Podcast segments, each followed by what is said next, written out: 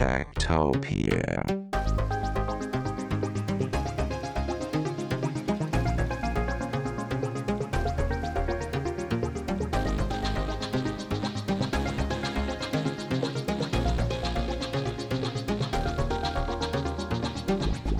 Techtopia. Tektopia er en podcast om mennesker og deres teknologi, udgivet af Ingeniørforeningen Ida i samarbejde med Teknologiens Mediehus og støttet af Ida Forsikring, Innovation Center Danmark, DK Hostmaster og Messecenter Hernings konferencer, EUT, HI og Automatikmessen. Mit navn er Henrik Føns, og det er mig, der bestemmer i Tektopia. Techtopia.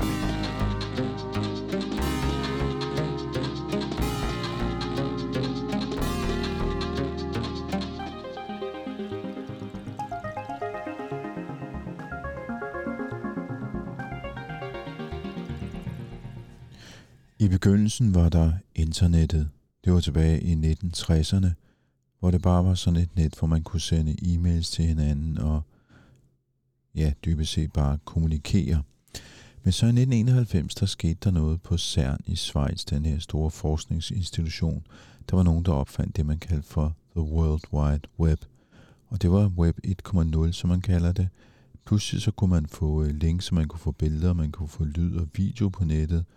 Og det skabte hele den bølge af websites, øh, som øh, blev til øh, .com-boblen, som man kaldte den. En enorm mængde penge blev postet ind i en masse gode, men også øh, utrolig mange tvivlsomme forretningsidéer, og det eksploderede med et brag omkring årtusindskiftet, og det var enden på Web 1.0. Så kom Web 2.0, det er det, vi kalder for det sociale web. Det er virksomheder, som vi ser Google og Facebook, der har domineret den æra, og den er vi for så vidt stadig i, men vi er på vej over i det, der hedder Web 3.0. Og hvad er Web 3.0 så egentlig for noget? Ja, det er der, hvor vi kommer til at se metaverset, det er der, hvor vi kommer til at se blockchain og NFT'er og alle de her nye teknologier, vi snakker så meget om lige nu, men som vi måske ikke rigtig forstår. Det bliver et, øh, det bliver et web, som øh, kommer til at bestå af avatarer, digitale tvillinger, kopier af den verden, vi kender. Mange af de ting, vi har snakket om her i øh, Tektopia gennem det sidste stykke tid. Det betyder også, at øh, der er virksomheder, der er begyndt at kigge på, hvordan man egentlig bevæger sig i det her univers, og hvordan man kan bruge det til at lave forretning, eller hvordan man kan skabe nye services til folk, og der er græsrødder, som drømmer store drømme om, at nu kan vi endelig overtage nettet igen, overtage det fra de store virksomheder. Spørgsmålet er, hvordan det kommer til at spille ud. Det er der ikke nogen, der er sikre på, men øh, som altid, så kommer ret meget fornyelsen fra startups. Det er der, de nye idéer bliver tænkt. Det er der, de store tanker kommer fra. Nogle gange de vilde tanker, som folk øh, investerer mange penge i, som de måske tager alle sammen. Eller måske bliver rigtig rige og fremgangsrige også på at øh, smide efter en startup. Så øh, derfor så snart har jeg snakket Web 3.0 med et par startups på Tech Barbecue her for en måneds tid siden. Øh, nogle af de ting, man jo snakker meget om, det er, hvordan man skal kunne flytte sine digitale ejendele rundt, fordi vi kommer til at have flere og flere ejendele, som udelukkende er digitale. Vi har allerede en tidligere udgave af Tektopia snakker om digitalt tøj. Øh, det kommer vi til at snakke lidt mere om i, i slutningen af udsendelsen i dag, hvor jeg snakker med en øh, svensk øh, investor, altså øh, en repræsentant for et firma, en venturekapitalist, som investerer i startups, der beskæftiger sig med Web 3.0, og i det her tilfælde primært med øh, digital mode. Øh, hende kan du møde om en cirka små 20 minutter. Men inden da, der skal vi snakke med en dansk startup, der hedder Hyphen, som øh, faktisk kigger på det her problem med øh, ejerskab af digitale genstande, fordi det skulle nødt være sådan, at øh, man ikke kunne øh, tage sine digitale ejendele med ud af den platform, hvor man nu er, hvis man nu forestiller sig, at man øh, går på et diskotek eller på et værtshus og har et bestemt jakkesæt på der, hvis man er mand, eller en kjole, hvis man er kvinde. Og når man så skal ud igen, så bliver man bedt om at hænge den i garderoben, fordi dem, man må altså ikke komme ud af lokalet og mere over på værtshuset på den anden side af gaden, fordi de tilhører en anden ejer, og derfor så skal man have det tøj på, som man har derovre. Det er jo noget råd. Så derfor skal man kunne flytte rundt med tøjet. Altså man skulle kunne, gerne kunne gå rundt med det, som vi kan i den virkelige verden. Nu snakker jeg om tøj, men det går også alle mulige andre genstande. Og alt det, det fortæller Kasper Julers os om, når han skal berette lidt om, hvad det er for noget, de egentlig har gang i i Hyphen. Kasper Jul, CEO og co-founder i Hyphen, som er et Web3 startup, øhm, hvor vi bygger en såkaldt consumer wallet, der indeholder din købekraft, øhm, sådan at både du og de brands, du interagerer med, kan forstå, hvem du er. Øhm, og det skaber nogle helt nye muligheder, og det er det, som Web3 virkelig kan. Web3 og, og Wallet, øhm, ja. lad os starte med Web3, det er sådan den tredje generation af World Wide Web, som er... Ja, yeah, og den har jo lidt en, en, måske en lidt bredere definition, men det vi kigger på er meget, at det handler om øh, digitalt ejerskab. Og man kan sige, at hele Web2-bølgen har jo øh, været meget domineret af de her meget store spillere, som, som holder øh, data meget i deres repositories, og det er den måde, de så targeterer dig som en potentiel kunde på. Altså forstå på den måde, at Facebook og Google, de ved en masse om os, ja. men de data deler de ikke med os, og de deler dem bestemt ikke med hinanden. Nej, det er jo det, man... Så det er dem, der ejer data om os. Ja, lige præcis, og det er jo det, de tjener penge på, og det er jo det, der... Øh, gik op for mange mennesker, og i hvert fald også er gået op for fremtidige generationer, at det er vi ikke så interesseret i mere. Øhm, simpelthen fordi det er så stor en datamængde og så en stor del af dig, der lige pludselig bliver afgørende for, hvordan du er øh, online. Øhm, og det vi så synes, der er helt fantastisk og interessant i Web3, det er, at nu er der en mulighed for det her digitale ejerskab, og det er så gennem noget, der hedder NFT'er, som vi kan komme ind på senere. Øhm, men det er simpelthen muligt at eje din egen profil og eje din egen data. Øhm, og det linker ind i et større idé om, hvad digital identitet bliver i fremtiden. Det ved vi selvfølgelig ikke, kan vi jo kun gisne om, men øhm, et element er jo, at du kan eje lige pludselig noget. Øhm, man kan sige, at der er også, det er jo ikke fordi, der kun er kommet dårlige ting af, af hele Web2-bølgen. Øhm, der er jo kommet en masse muligheder for at sige, at du kan øh, interagere og logge ind forskellige steder øh, med de samme services. Problemet er bare, at det bliver holdt i meget store virksomheder, og det er dem, der får fordelen. Så hvis man skal prøve at forklare det her med metaforer, øh, den wallet, du snakker om, altså den her penge på, man kan forestille sig et pengeskab, hvor mine personlige oplysninger ligger, som det er mit pengeskab. Yes. Og så kan jeg så lukke det op for dem, jeg gerne vil Lige præcis. med. Lige præcis. Og du har jo et, et eksempel på din telefon, har du faktisk øh, med din Apple Wallet. Det er der, du har din kreditkort. Det føler du er din punkt i lommen. Øhm, og det vi egentlig gerne vil, det er, at vi vil gerne skabe en punkt, du har, en digital punkt, du har i lommen, hvor du altid kan vise, hvor god en consumer du er, og få de fordele, som du fortjener. Og det er jo noget med at sige, at, at øh, brands måde at interagere med dig på som forbruger i øjeblikket er meget baseret på, at du får et nyhedsbrev, du skal signe op til, og så får du en rabatkode. Men det er egentlig ikke dig. Og det er så det, der er tanken, det er, hvordan gør vi det muligt for brands at forstå dig og interagere med dig på de vilkår. Og der er en kæmpe appetit for øh, at rykke mere over mod community-led growth for virksomheder, fordi de vil meget gerne tættere på deres kunder. De vil meget gerne arbejde tættere med dem. De produktudviklingen sker ofte med gode kunder. Øh, meget af den del bliver meget mere integreret. Så vi tror jo også på en verden, hvor brands og brugere flettes meget mere sammen i forhold til et, et fælles mål. Og det er der, hvor du snakker om identitet, fordi i dag, sådan som jeg hørte, så, så, så er vi dybest set bare et kreditkortnummer over for de mennesker, vi køber noget hos. Men vi skal blive et helt menneske. Ja. Med hvor alle vores interesser, altså hvad for noget musik kan vi lide, hvad for noget tøj kan vi lide at gå i, hvad spiser vi for noget mad, og yes. whatever vi gerne vil dele. Ja, og du har det jo, altså det er jo ikke fordi, du ikke har mange af de her ting liggende online allerede, men det er jo så bare, så ligger det i en centraliseret størrelse øh, på en database, som kan blive hacket. Øhm, og jeg synes ikke, vi snakker hvor meget om, men altså det er jo utroligt mange hackerangreb, der er, som aldrig rigtig bliver nævnt nogle steder på nogle meget store øh, institutioner. Øhm, og det kan man sige, det slipper du for, men du slipper også, ligesom du siger, altså du bestemmer selv, hvad er det, du gerne vil vise af dig. Og det, det synes vi er super vigtigt. Det er jo noget med at sige, når man, øh, jeg er en rigtig god forbruger, jeg holder virkelig meget af de her brands, som jeg interagerer med. Hvordan kan jeg blive en større del af dem? Hvorfor kan de ikke se, hvem jeg er? Øh, hvorfor kan de ikke interagere med mig? Og, øh, og det vi så fokuserer meget på, det er yngre generationer. Der kommer en generation, der hedder Generation C, som ligesom er den næste, hvor deres købekraft i sig selv er jo større end millennials i 2035. Så det er, jo, det, er jo, det er jo en helt ny måde, og de anser jo internettet, fordi de er born natives på en måde, på en helt anden måde.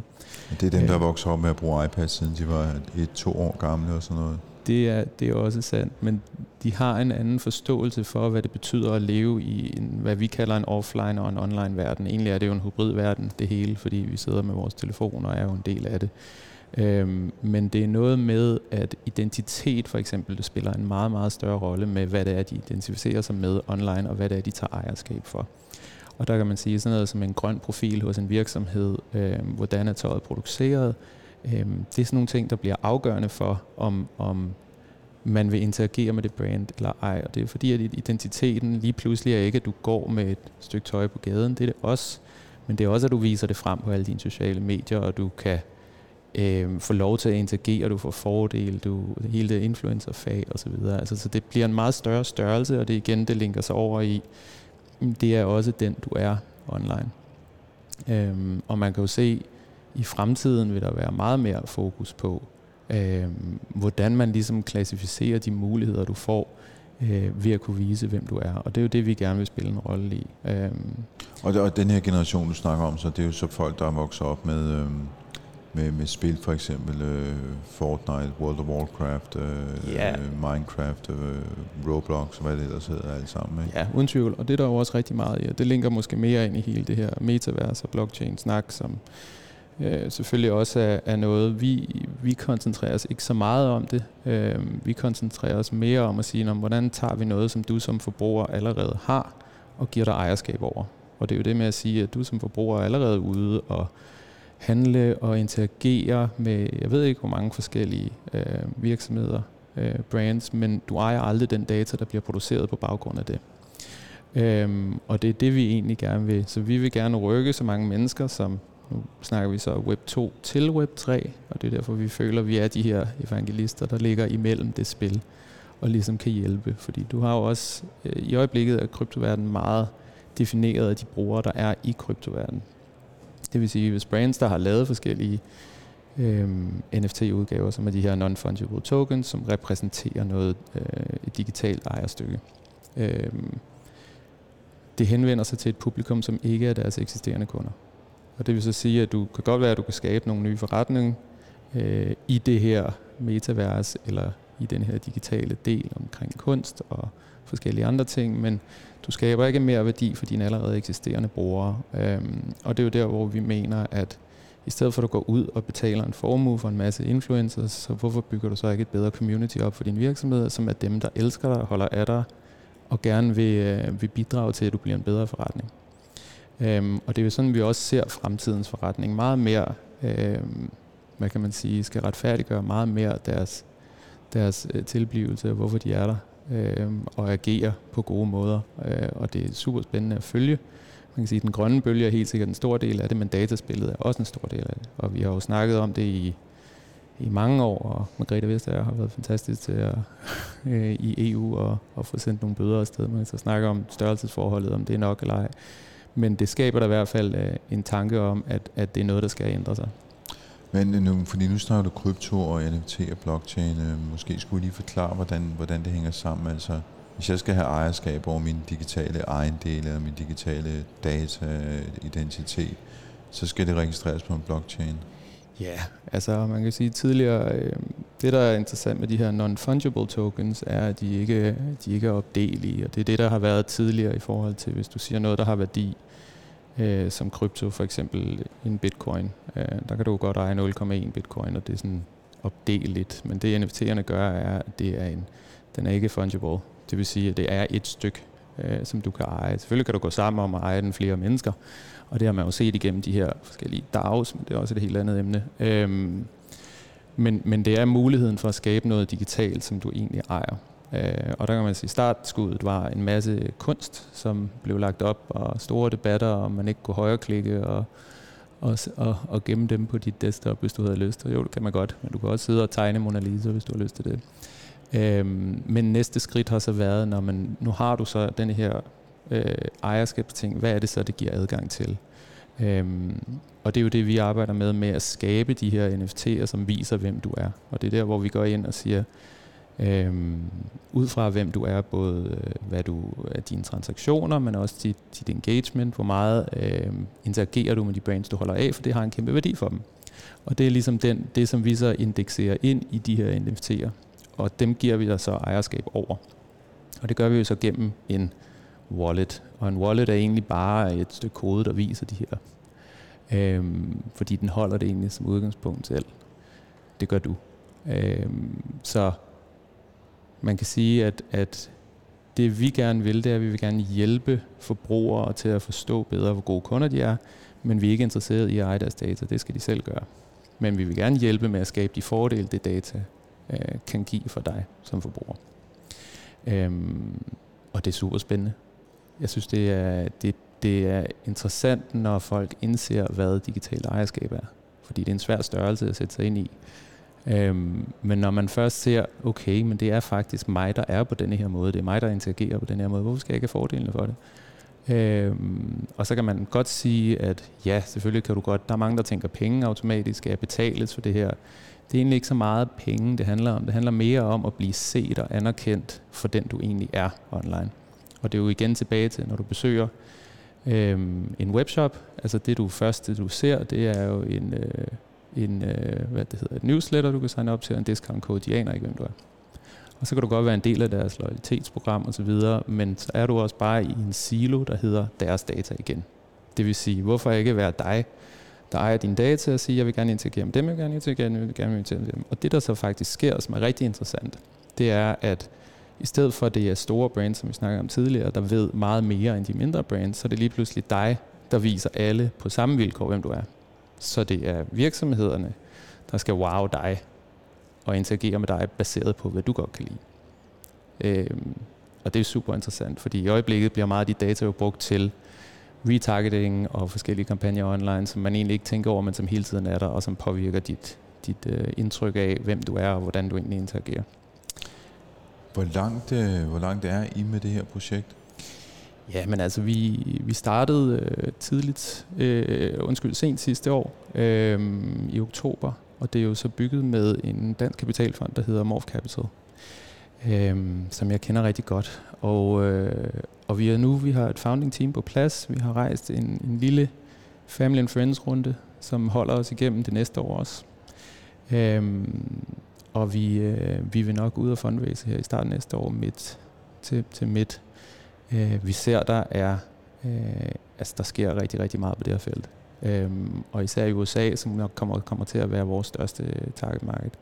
Og det er også fordi, at i USA, der har du, øh, der har du sådan noget som credit score, så folk forstår det der med, at du bygger en værdi op, som kan bruges til noget senere hen. Det har vi ikke rigtigt i Danmark. Øhm, jeg tror godt, folk forstår ideen om, at du skal have flere fordele osv., men i USA er det bare meget tydeligt, okay, jeg har en score, der viser, hvem jeg er. Det får jeg noget værdi ud af. Øhm, og så sker der rigtig meget der. Så vi er, vi er lidt øh, på nippet mellem at sige, skal vi ud og rejse flere penge nu, eller skal vi, øh, eller skal vi vente lidt? Vi er heldigvis godt rustet, og det er vigtigt. Især lige det næste, det næste års tid. Øh, men, men grundlæggende vil jeg sige, at vores fokus har været at få det bedste team på plads overhovedet muligt. Altså det er det, der, det, er det, det handler om. Vi skal have de bedste mennesker ind, og så skal vi, øh, så skal vi bygge det her. Så vi regner med at have en første version ude i start, slutningen eller start næste år, så vi kan begynde at onboard brugere på. Øhm, og så bygger vi så videre øh, i forhold til brands og bygger hele det her CRM-system, hvor du kan interagere og attracte brugere på. Øhm, og i fremtiden vil vi jo så gerne have, at den wallet, som vi øh, bygger, bliver den preferred wallet til, øh, når du laver online køb, simpelthen fordi så kan du vise webshoppen, hvem du er gennem vores wallet, og samtidig lave transaktionen. Så det er, det er målet. Øhm, og samtidig handler det jo bare om, at vi skal give mere kraft og power tilbage til individet. Vi skal eje vores egen data, vi skal, vi skal vide, at vi kan det, øhm, og der kommer et kæmpe skub gennem de næste generationer, så det er bare med at holde fast. Det skal nok komme. Så en gang i løbet af næste år, så vil jeg kunne komme til at prøve det af, for eksempel? Yes. Det er en aftale.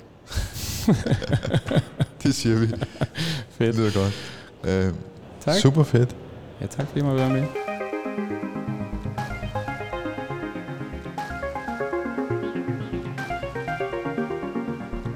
Ejerskab over genstande, det virker meget naturligt i den fysiske verden, men hvordan det kommer til at gå i den digitale verden, i metaverset, eller hvad vi nu skal kalde den her sådan digitale tidsalder, vi mere og mere rykker ind i, ja, det er jo spændende, om det bliver Kasper Jules vision, der holder hjem.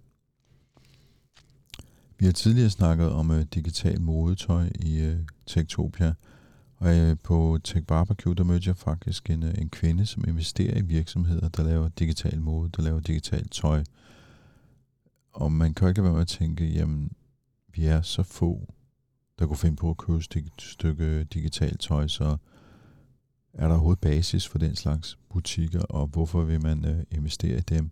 Er det fordi, man har set en øh, fremtid, som vi andre ikke helt får øje på nu, eller hvad er det egentlig, der sker? Øh, det snakkede jeg med Indra Sharma fra Peak, som er en venturefond øh, fra Holland, så vidt jeg husker, men hun sidder i deres øh, svenske hovedkvarter og kigger på digital mode.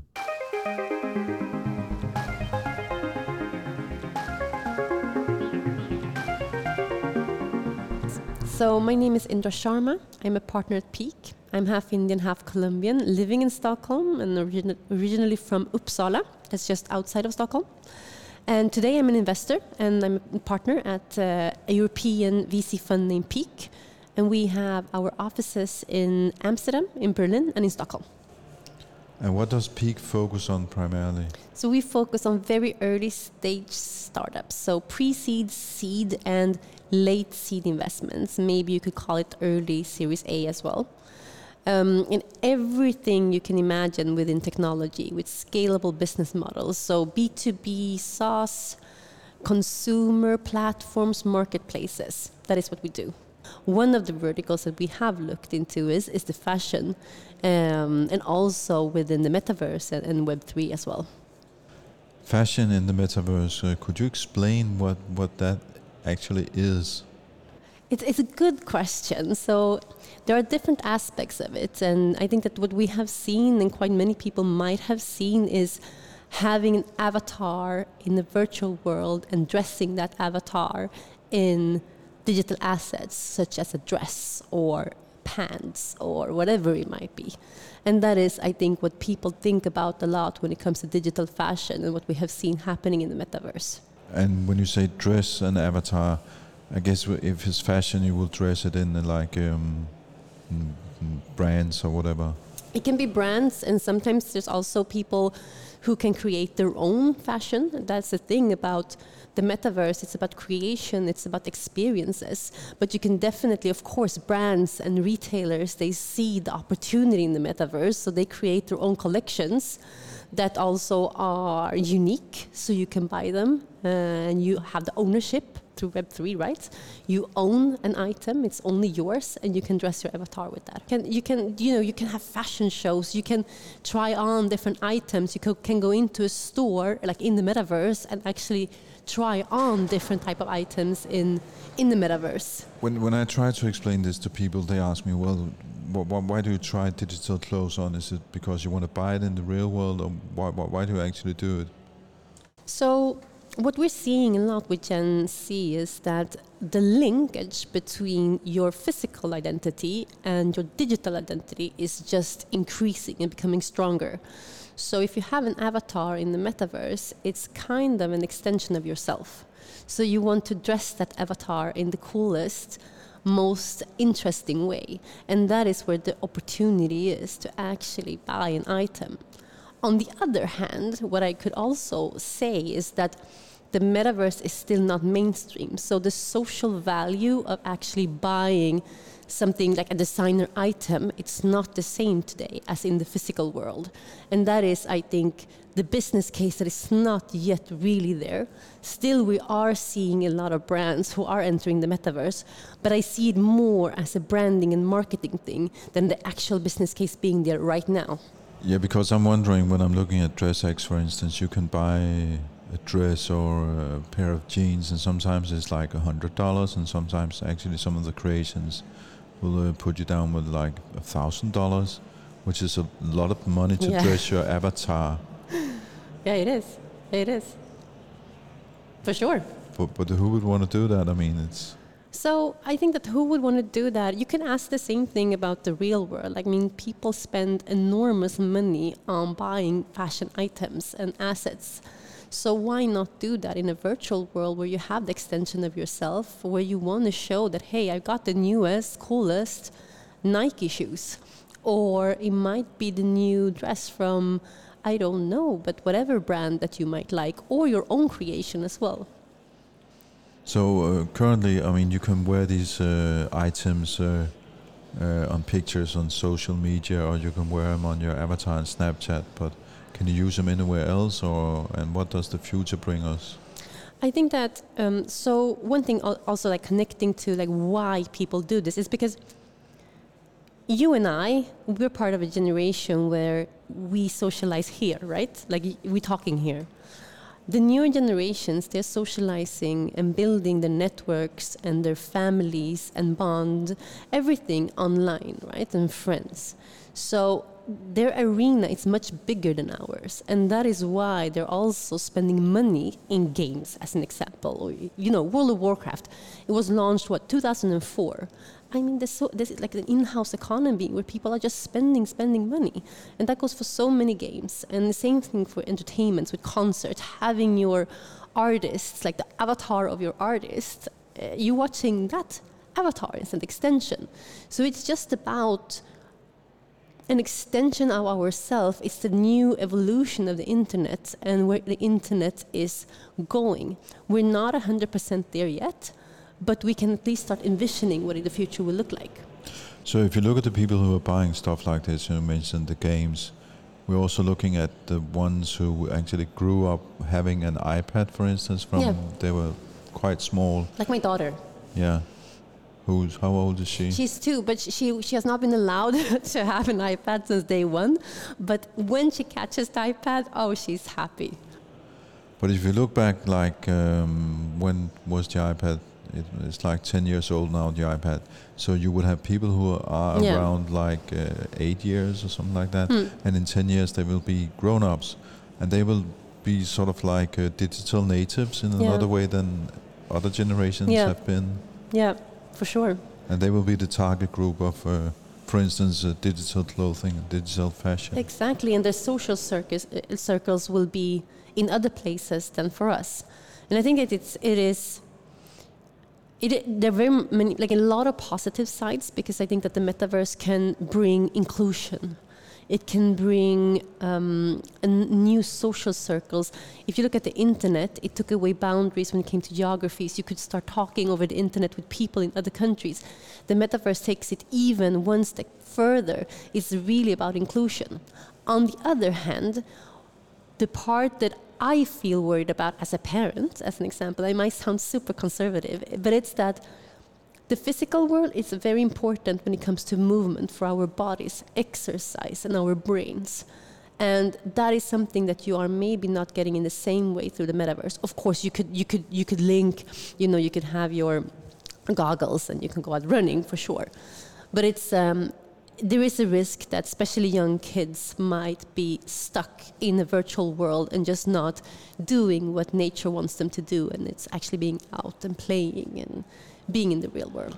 So they might look fashionable, but uh, they don't really. exactly. they don't really and get the spending all their parents' money, right?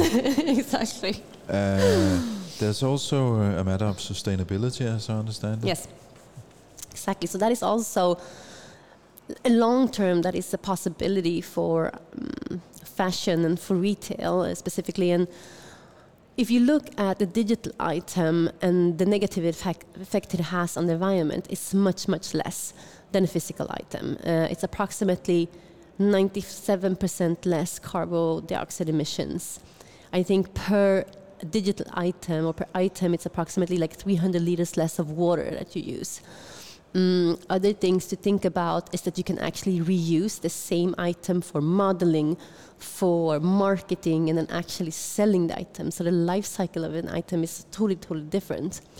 Um, and, and I think that that is something, and also uh, polyester and, and these materials that are very bad for nature with microplastics, they don't exist in the uh, metaverse. So, so I think that that is something that's very interesting for uh, retail if you can open up new revenue channels that actually are not that negative for the environment. I think that's very positive for, for fashion. Meaning that this is a way for fashion to develop the market and make more money? Yes, they are always looking for ways to develop the market and make more, make more money, and they can do it in an environmental friendly way. And I think that is something that's positive. Yeah, because I'm thinking the physical representation of your avatar, your act- your actual person, will Yeah. still need to have some clothes. Yes, uh, it will have to have some clothes, but it might also be that m- instead of spending, you know, all my allowance at H&M, I actually take part of that and spend that rather on digital items that is less harmful for the rest of the world. So when you work as an investor, I mean, you primarily work in Europe as an investor, as I understand it. Um, wh- what are you looking for in, in metaverse terms and fashion? Uh, So I actually met a very interesting company today uh, here, a Danish company, um, and they are working with how to help the consumers own their own consumer profile and data so that they can see how good of a consumer and customer they are and in that way use that to get good opportunities with retails and brands. So i think that there's like so many different opportunities on the in consumer space especially in the in fashion when it comes to retail that can profit from from web3 and from the metaverse. And i think that this is what we are doing all the time looking where we see these opportunities how well are the, the uh, European startups positioned in, in, in this field?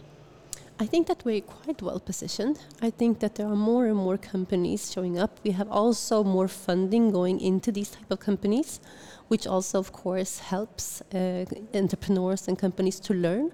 So I do think that we have. We also have. Um, I mean, if you look at I'm very stuck into fashion right now. But if you look at the fashion, we have quite a few large uh, fashion houses in Europe. So I think that we are well positioned. How many digital dresses do you own? I do actually have a few fashion items, but they're not dresses. Um, I bought them to, I'd say, support artists within the space. So I wouldn't say that they are worth that much right now, um, but I just bought them more to be supportive.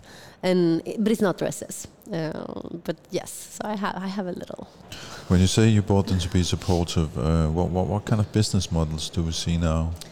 So th- these were actually uh, just NFTs that you buy from from these designers. Um, so so they create. It might be you know a, a glove or a T-shirt or whatever it might be, and, and you just buy it from them uh, with cryptocurrencies, of course.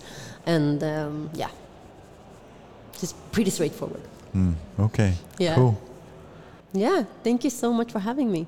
Love this discussion. Great that Let's meet in the metaverse by. next time. Yeah, yeah, yeah. Looking we, our we best. Do, we could do that. Yeah. Um,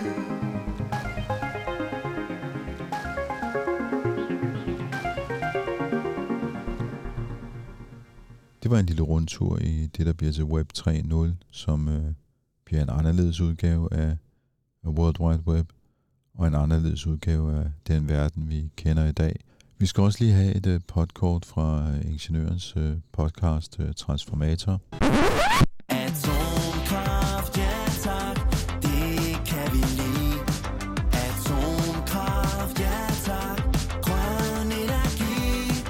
I 70'erne var det meget svært at finde en A-krafttilhænger i Danmark. Men tiderne skifter, energikriser kommer og går, og holdninger flytter sig. I dag er hele 40 procent af danskerne tilhængere, og 36 procent modstandere af atomkraft. I den seneste uge har der nærmest ikke været eneste nyheds- eller debatprogram, uden at emnet atomkraft er kommet op. Men hver eneste gang skal vi høre på valgforskere, der filosoferer over, hvordan det må kan være, at danskerne ændrer holdning. I Transformator vil vi meget hellere se på de teknologiske argumenter. Så i denne uges episode tager vi argumenterne fra foreningen Atomkraft Ja Tak og ser på, hvad eksperterne mener om dem, altså argumenterne. Lyt med i denne uges Transformator. Det kan ikke gå hurtigt nok. Atomkraft, ja tak, synger vi. Ja, du har lyttet til uh, Tektopia. Den bliver produceret af mig. Jeg hedder Henrik Føns, og jeg får hjælp af Veronika Volin. Du kan få fat i os på henriksnabelagtektopia.dk. Du kan finde tidligere afsnit på tektopia.dk. Du kan følge os på Twitter og Instagram, der hedder vi tektopia.dk, snabelag tektopia.dk, hvis vi skal være helt korrekte. Så har vi også en uh, gruppe på Facebook med en rigtig, rigtig livlig diskussion omkring uh, teknologi. Den hedder Tektopia Backstage, og der er vel 15-1600 medlemmer efterhånden. Og jeg tror faktisk, at det var ordene for denne gang. Vi udkommer hver eneste mandag, så der er bare tilbage at sige på genhør. Tektopia.